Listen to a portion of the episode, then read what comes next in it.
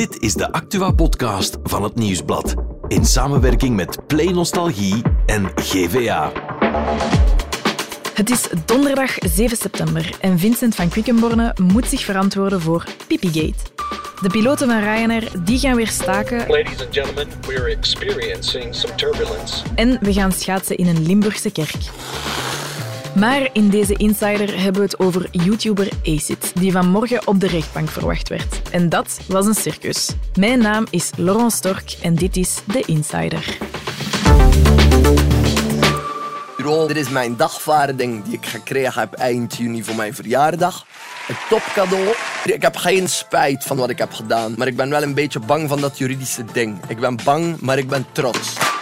Nathan van der Gunst, beter bekend als YouTuber Acid, moest vanochtend voor de correctionele rechtbank van Brugge verschijnen. Onze insider, Mark Cliffman, crimijournalist bij het Nieuwsblad, die zat daar ook bij. Dag Mark. Dag Laurence, goedemorgen. Hoe was het daar vanochtend? Moet ik eerlijk antwoorden op die vraag? Ja, graag. Het was toch echt wel een beetje een circus, zoals dat je daarnet zei. Ja. Ehm, ik had de dag voordien, ik had gisteren ook al Walter van Steenbrugge, de advocaat van, van ACID, aan de telefoon. Om, Mhm. om eens te horen van, ja, wat, wat moeten we nu verwachten van die zaak. En hij zei van, ja, dit wordt ja, mogelijk spektakeljustitie. iets waar wij niet om gevraagd hebben. Ja. En effectief, ja, het was tegen één grote show.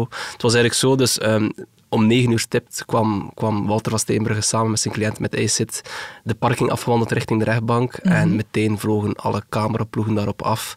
De cameraploegen vielen net niet over elkaar. Die, wa- ja. En Acid, die was alles behalve schuw. Die had zich mooi opgekleed. Die had een Ja. blazerken aangedaan. Ehm, en hij kwam binnen met een glimlach. En hij maakte ook grapjes van, ja, ik had misschien beter ook een toga aangedaan. En ja, hij ging de vragen ook niet uit de weg. En hij zei van, ja, ik voel me eigenlijk wel goed. Ik ben benieuwd naar de zaak. Ehm, ik, ben, ik ben niet bang.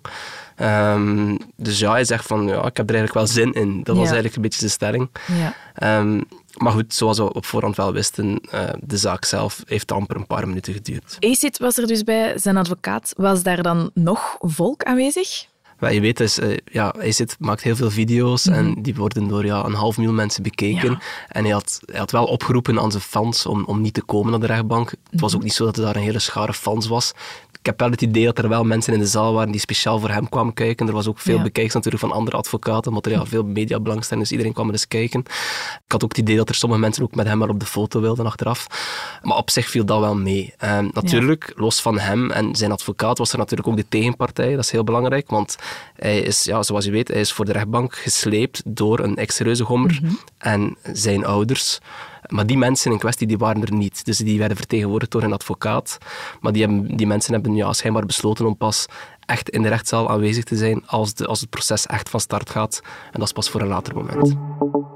Waar hij allemaal van beschuldigd wordt, dat kan Acid zelf ook heel goed uitleggen. Het zijn zeven dingen. Belaging, elektronische belaging, smaad, laster en eero, cyberpesten en discriminatie. En onrechtmatig delen van persoonlijkgegevens. Maar die was ik vergeten toe te voegen in de video, sorry. Ik word aangeklaagd voor discriminatie omdat ik de elite, de rijke mensen, gediscrimineerd heb als elite. Hij wordt dus van zeven dingen beschuldigd. Maar om beter te begrijpen waar het allemaal over gaat, Mark, moeten we even terug in de tijd. Hè? Ja, het is, het is een hele boterham eigenlijk, hè, waar hij van be- beschuldigd wordt. nu, het is zo, we moeten terug naar begin juni. Hè, Ja. En ACID heeft op dat moment een video online geplaatst. Ehm, we zitten in, in die periode volle bak rond het proces Reuzegom en, en de dood rond Sandadia. Ja. Ehm, en het is zo dat ja, eh, ACID heeft een video online geplaatst waarin hij de namen van enkele reuzengommers met naam en toenaam noemt. En waarom doet hij dat dan? Hij vindt, ja, hij had een beetje ongenoegen over het feit dat de media, denk ik, dat, dat zij die namen eh, niet genoemd hebben. Eh, je weet dat het is een beetje een, dat is een, dat is een journalistieke afweging geweest. Ja. Onder meer ook omdat ja, uiteindelijk heeft het uh, Tof van Beroep heeft de Reuzenhommers veroordeeld tot werkstraffen. Mhm. Ehm, en uiteindelijk, ja, die, die, we, hebben, we hebben ervoor gekozen om die namen niet voluit te geven. Ja. Ehm, en eh, ja, hij en ja, heel wat andere mensen die vinden dat ja, niet kunnen en vinden dat die namen wel geëxposed uh, moesten worden. Mhm. En heeft dat dan gedaan. Maar het grote probleem bij hem nu is, is dat hij ook de namen heeft vernoemd van twee mensen die niets met het proces te maken hadden. Ja. Die niet terecht stonden voor de dood van Sandadia, die, die daar helemaal niet bij betrokken waren. Mhm. En één van hen heeft hem nu voor de rechtbank gesleept, een ex-reuzegommer, Ja. en zijn ouders, omdat zij in het vizier zijn gekomen nadat uh, hij die naam online heeft gezegd. Is dat dan niet strafbaar, die namen geven? Maar het grote probleem hier is vooral dat die ex-reuzegommer in kwestie, dat die niet terecht stond op het proces rond Sandadia. En dat die, die, die ouderen vinden dat zijn privacy en hun privacy te grabbel is gegooid. Ja. Met veel gevolgen. In die zin, ja, dat zij na die expose-video zeg maar, van, van ICIT, dat ze daar heel veel hinder van hebben ondervonden. Ja, want die mensen die hebben een groot restaurant, hè? Ja, een toprestaurant kan je wel zeggen. Dat is een restaurant met een Michelinster. Ja. Ehm, hoge scores in de Gomio. En het probleem toen was, volgens hun advocaat, dat ja, in een mum van tijd zijn er, ehm, nadat die namen bekend raakten en zo, en dat er heel veel op te doen was op internet, is, die- is dat restaurant eigenlijk belaagd met negatieve recensies en, en slechte commentaren. Zijn ze ook lastiggevallen met, eh, met de reserveringen, zijn ze bedreigd geweest volgens hen. Ja, En ja. In die zin hebben zij, naar eigen zeggen, daar heel veel schade onder onder Ja, want sommige van die comments, ik ga ze even voorlezen, zijn eh, visolie was er te veel aan, kon het niet wegspoelen, want water was te duur. Of eh, het kost meer dan een persoon vermoorden. En dan ook nog, eh, ik heb een geblinderde muis in mijn eten gevonden. Ja, en dat zijn natuurlijk duidelijke verwijzingen naar het proces en naar de zaak rond Sandadia en die, Ja. en die fatale doop. Ehm, en die muis in de blender bijvoorbeeld is, is, is een duidelijke verwijzing. Want het onderzoek heeft uitgewezen dat er, ja, dat er tijdens de doop echt wel wantoestanden zijn gebeurd. Ja. Dat, eh, dat die schachten de kop van een aal moesten afbijten, dat er eh, een levende vis moest ingeslikt worden en effectief ook dat er een, een, een levende muis werd geblend. Dus dat is een duidelijke verwijzing naar die zaak. Ja. Maar goed, die, die, dus ja, die, die vele recensies, die negatieve recensies en, en het bagger aan het adres van die ouders, heeft die mensen er dan toe aangezet, samen met hun advocaat, om echt wel ja, juridische stappen te ondernemen, om ACID rechtstreeks correctioneel te dagvaren voor de correctionele rechtbank. En dat is een, dat is een procedure die niet zo courant is. En, Ja. en de vraag is nu een beetje hoe dat nu verder moet, of dat wel de, de beste tactiek was om, eh, om daar gevolg aan te geven. Ik denk niet dat ik in de gevangenis ga eindigen. Was dat wel zo saai, eh, dan is dat maar zo. Ja, de gevangenis, dat is extreem. Nu, Acid, die Zal ook blijft niet erbij. gebeuren, nee, denk ik. Want hij, ja, hij blijft er ook bij. Ik heb niks fout gedaan, maar waar riskeert hij dan wel?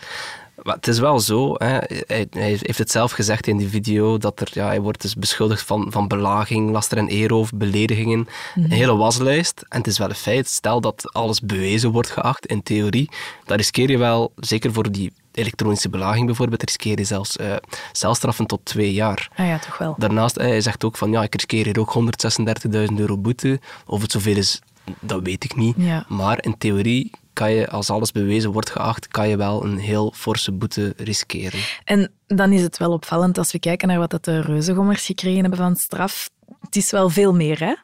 Ja, en zo slim is het natuurlijk ook wel om dat, om dat ook zelf te zeggen voor de camera's. Hij zei dat ook vanmorgen in, in zijn interviews, van kijk, ja, het zou toch wel uniek zijn hier in België dat ik voor dit, eh, voor mijn video, strenger gestraft zou worden dan de reuzengommers. En heeft die zitting van vandaag dan al ja, iets duidelijk gemaakt over ja, wat dat hij dan riskeert of hoe dat het zal uitdraaien allemaal? Nee, niet helemaal. Dus, eh, zoals ik zei, dus het was een heel korte zitting. Het heeft dan amper een paar minuten geduurd. En je merkte dus Walter van Steenbrugge, zijn advocaat, die hekelde vooral ja, de inhoud van het dossier of vooral het gebrek daaraan. Want hij zegt van, kijk, we hebben enkel een dagvaarding, dus eh, de tegenpartij neemt ons iets kwalijk. Ja. Maar voor de rest zitten er hier geen stukken in dat dossier. Er zijn, er zijn geen bewijzen, er is niets overhandigd aan de rechtbank. Waar moeten we ons eigenlijk op verdedigen? Ja. Ehm, het Openbaar Ministerie is letterlijk gevraagd eh, deze ochtend van ja, willen jullie iets doen? En zij gaven te kennen van ja, nee, wij zijn eigenlijk niets van plan.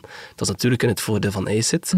Dan heeft de tegenpartij, dus de ex-Reuzenhommer, heeft dan ja, allee, via zijn advocaat dan gevraagd van kijk, wij willen graag dat dat hier, dat proces te gronden wordt gepleit, dat er conclusies worden neergelegd en dat er dan tijdens het proces dat ook de beelden, dus de video van Ja. dat die in de rechtszaal wordt afgespeeld. Die video van in juni dan, waarin hij de namen vermeldt. Ja, maar ja. toen zei eh, Walter van Steenbrugge, kom, we gaan er toch geen show van maken. Maar eh, de rechtbank die heeft eigenlijk meteen ja, laten te kennen geven van daar gaan we niet op ingaan. Allee, we hebben heel veel zaken te behandelen en we, gaan niet, we hebben hier niet de gewoonte om zomaar video's af te spelen. Dus het is nog een beetje ja, afwachten hoe het nu verder moet. Ja. Eh, in januari komt de zaak te gronden voor en dan zal het een, ja, twee versies tegenover elkaar zijn. Dan zal de rechtbank moeten, eh, moeten, moeten beslissen. Ja, nu, Mark, Acid was niet de enige hè, die namen Nee, heeft verspreid. Ik absoluut heb, niet. ja, ik heb op Twitter heel wat foto's ook zien passeren. Zo die fameuze foto met de reuzengommers en dan Mhm. de namen erbij. Je hoeft er niet ver te zoeken. Nee, het was vrij gemakkelijk. Nu, riskeren zij ook iets of zitten zij veilig? Maar in principe, hier wordt enkel ACID gedagvaard en rechtstreeks voor de correctionele rechtbank gesleept. Ja. Dus in principe hebben die andere mensen daar niks mee te maken. Nu, stel dat het ja, tot een veroordeling komt en dat Mhm. hij eh, een zware straf krijgt, dan kan dat misschien wel afschrikkend werken voor andere mensen om dat nog te doen. Ja. Al vrees ik een beetje dat er online altijd wel mensen zullen zijn. En zeker anoniem is het heel makkelijk om die namen te verspreiden. Dus ik denk eigenlijk, eerlijk gezegd, dat dat nooit helemaal zal verdwijnen. Ja, dus het is voorlopig dan nog afwachten, ook voor, uh, hoe het ja, voor ACID zal Ja, verlopen. dus de zitting gaat verder op 18 januari. Ja. En dan denk ik dat, eh, dat we, ja, dan wordt er te gronde gepleit. En dan Mhm. eh, zal ACID ook zelf het woord krijgen in de rechtbank. Ja, en daar kijkt hij waarschijnlijk ook wel zelf naar uit. Hè? Dat kan wel, ja. Dankjewel, Mark. Graag gedaan.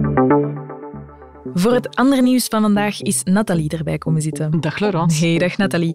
Want ook Van Quickenborne die moest zich vandaag gaan verantwoorden. Hè? Ja, die moest zich vandaag verdedigen in de Kamercommissie Justitie. Voor de Plasgate of Pipigate. Pipigate, Watergate, wat is het ondertussen allemaal? Een hele Het is- saga. Ja, het is sowieso een soap. Ja. Was het een plasbeweging of toch een luchtgitaarsolo? Mhm. En andere prangende vragen. Het internet zal er in elk geval weer van smullen. En komt er dan een gevolg? Goh, naast gezichtsverlies voorlopig nog niet. Zijn partij die staat eh, nog achter hem. En de grootste problemen die zitten vooral in de relatie tussen de politie en de minister. De vraag is of dat ooit nog goed komt. Mhm. Ja, want minister van Justitie, Mhm, politie, mhm. dat is wel moeilijk.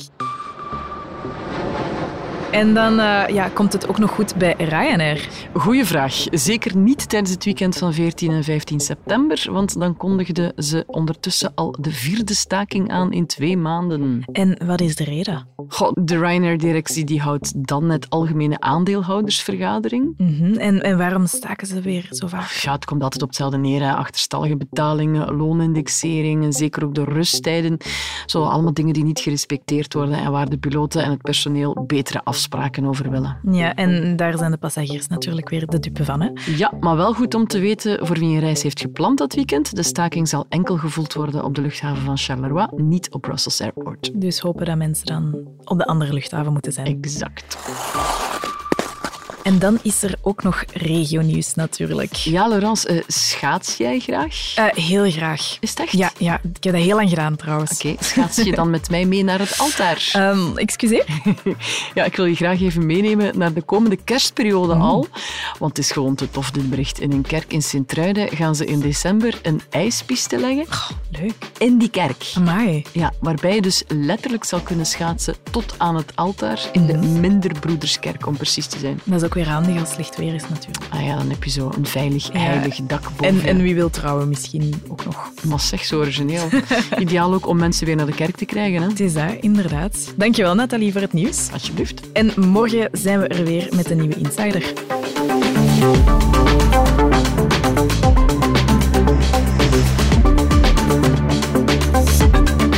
Dit was The Insider, een podcast van het Nieuwsblad in samenwerking met Play Nostalgie en GVA. De muziek is van Pieter Santens. De montage gebeurde door House of Media. Wil je reageren? Mail naar podcast.nieuwsblad.be.